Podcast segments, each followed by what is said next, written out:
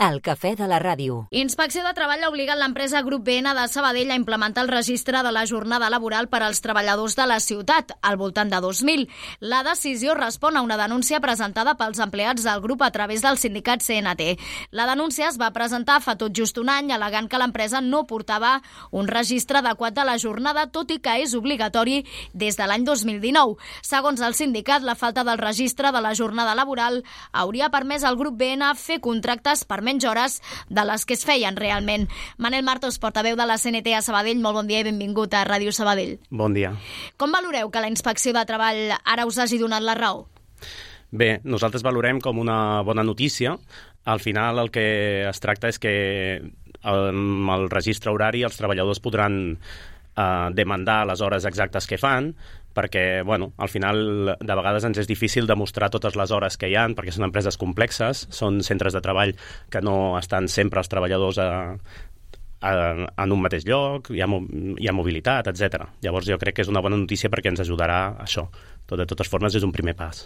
Com us arriba a, aquesta, a aquest malestar, diguéssim, latent que hi havia entre els treballadors eh, de, de l'empresa per aquest fet, eh, pel fet eh, de no tenir un registre, però sobretot per no comptabilitzar certes hores que sí que s'estaven treballant? Clar, això... Eh, Bé, us ho explico amb un exemple. Abans de venir aquí, dic com, com ho podem explicar, us, us explico amb un exemple. Uh, un treballador que està contractat ha de fer 40 hores setmanals, uh, i n'acaba fent doncs, 10 més. Aquestes 10 més són hores extres que es paguen a un altre preu, segons el conveni.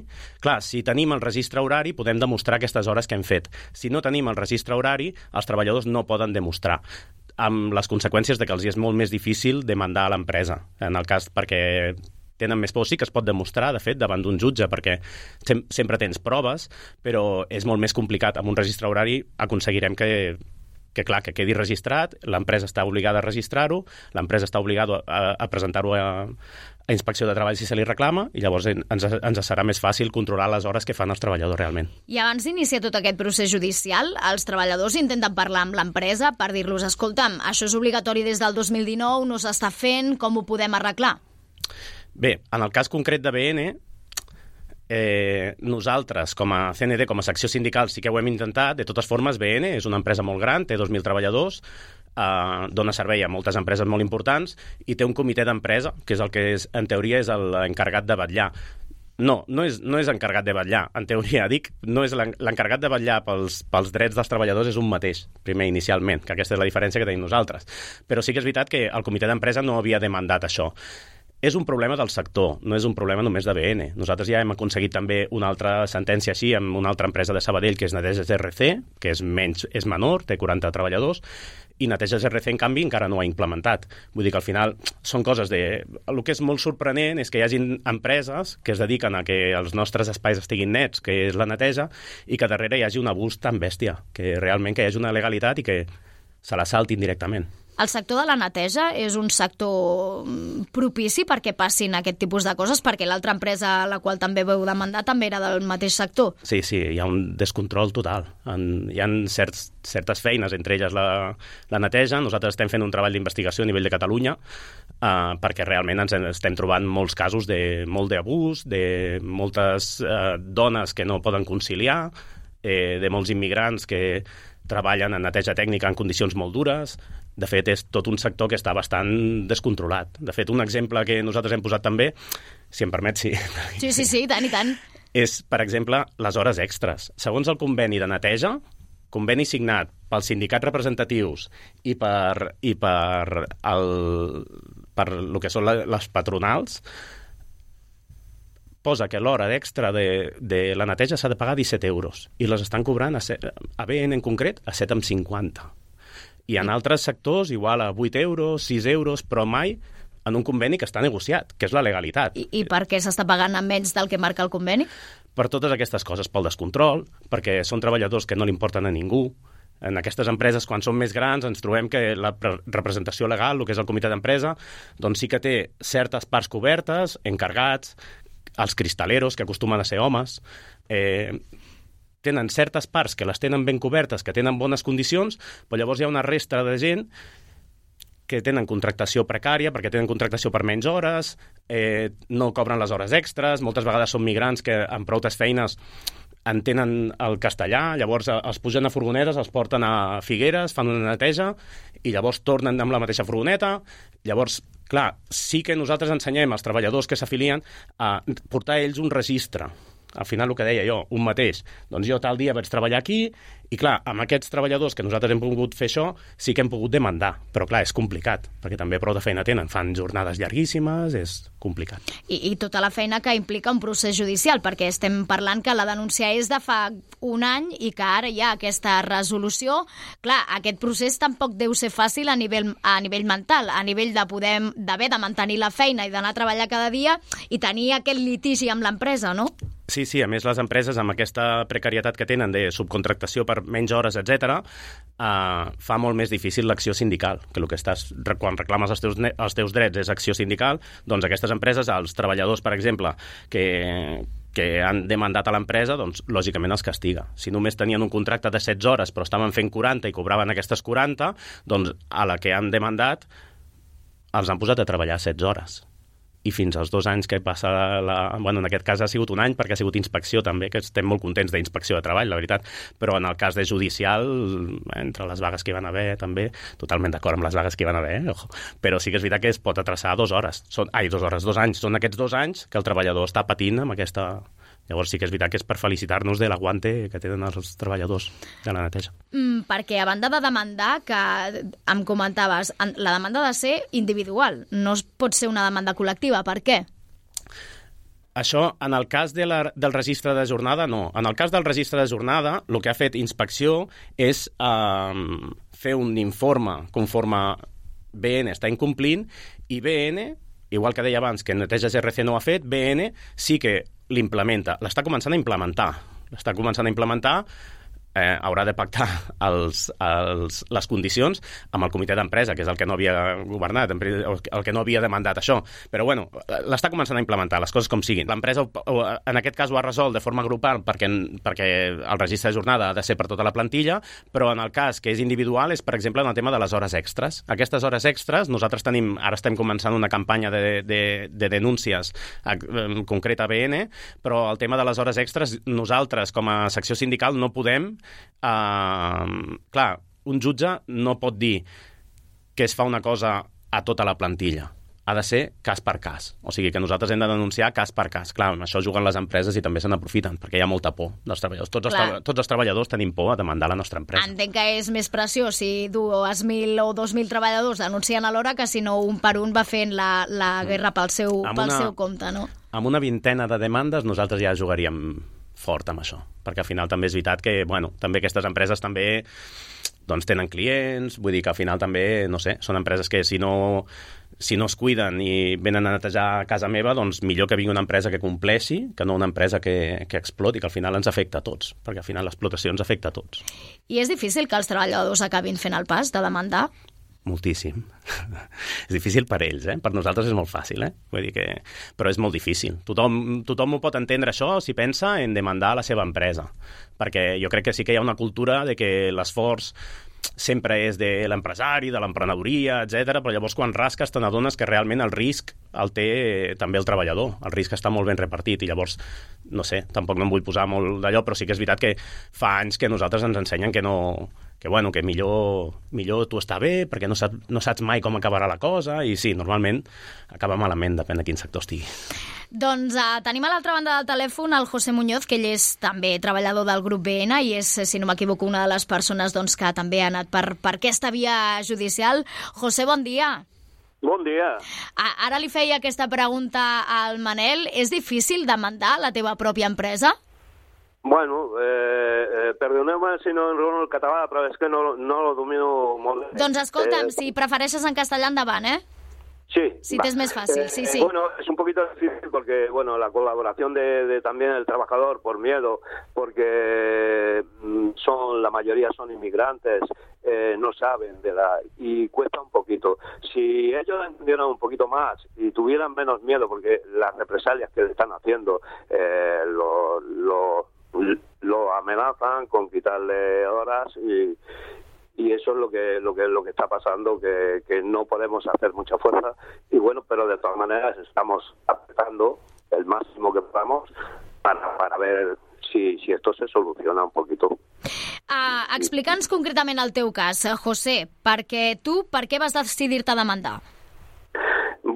Yo he tenido, mm, tengo algunas demandas también puestas porque, bueno, aparte de que a mí por represión sindical me quitaron las horas extras, que tampoco interesaba mucho porque me pagaban un precio ridículo.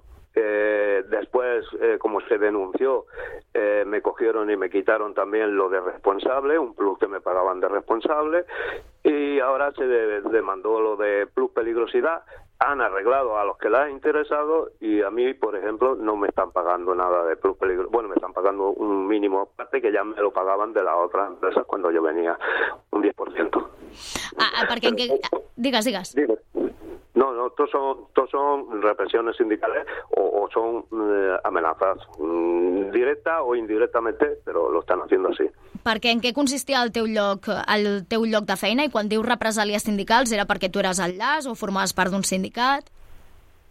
Sí, más que todo por eso, porque nosotros ya antes de estar en CNT estuvimos en, en el comité de empresa, pero ese comité de empresa no vale para nada, eso está a favor de la empresa. Eh, nos- nos- nos- se les demandó por lo de eh, por lo de fichaje de registro, eh, el registro de fichaje, que diga, perdón, y, y entonces eh, no lo hicieron perder el juicio, no lo hicieron perder, eh, no sé cómo, pero no lo hicieron perder. Entonces, eh, con CNT eh, vamos haciendo y vamos adelantando cosas. Y eh, por parte de, de la denuncia que hay, a ver si, si me... acu- La denúncia Eh, que, que has interposat, ¿Cómo? la, la denúncia que has interposat per què ha acabat sent? Pel tema del registre horari o pel tema de les hores extras? Sí, sí, porque eso se denunció. Entonces, al, al denunciarse, lo que hicieron es que eso, cogieron represalias conmigo, eh, me empezaron a quitar horas y se denunció hace ya cinco años de eso. Entonces, eh, estuvimos en inspección de trabajo, la inspectora de trabajo reconoció que eso estaba tenían que implantarlo. Ahora, ahora están empezando a implantarlo, estamos en prueba y, y esperemos que esto resulte. Um, tu en algun moment parles a, o, o vas a, al teu cap directe i li dius mira, això no pot continuar així, estem fent més hores de més, um, no s'estan registrant, no les estic cobrant al preu que toca... Sí, sí, claro, hemos estado, incluso hemos estado con, con Xavi, hemos estado en la empresa, tenemos reuniones con ellos, eh, te atienden, lo que le interesa te lo resuelven, lo que no le interesa no te lo resuelven. Eh, te dicen que sí, pero a la hora de la verdad hacen lo que ellos quieren. I com es porta tot això en el dia a dia? Perquè no sé com afecta aquest fet de, de, de no m'estan pagant com em toca, eh, faig més hores de les que hauria de fer...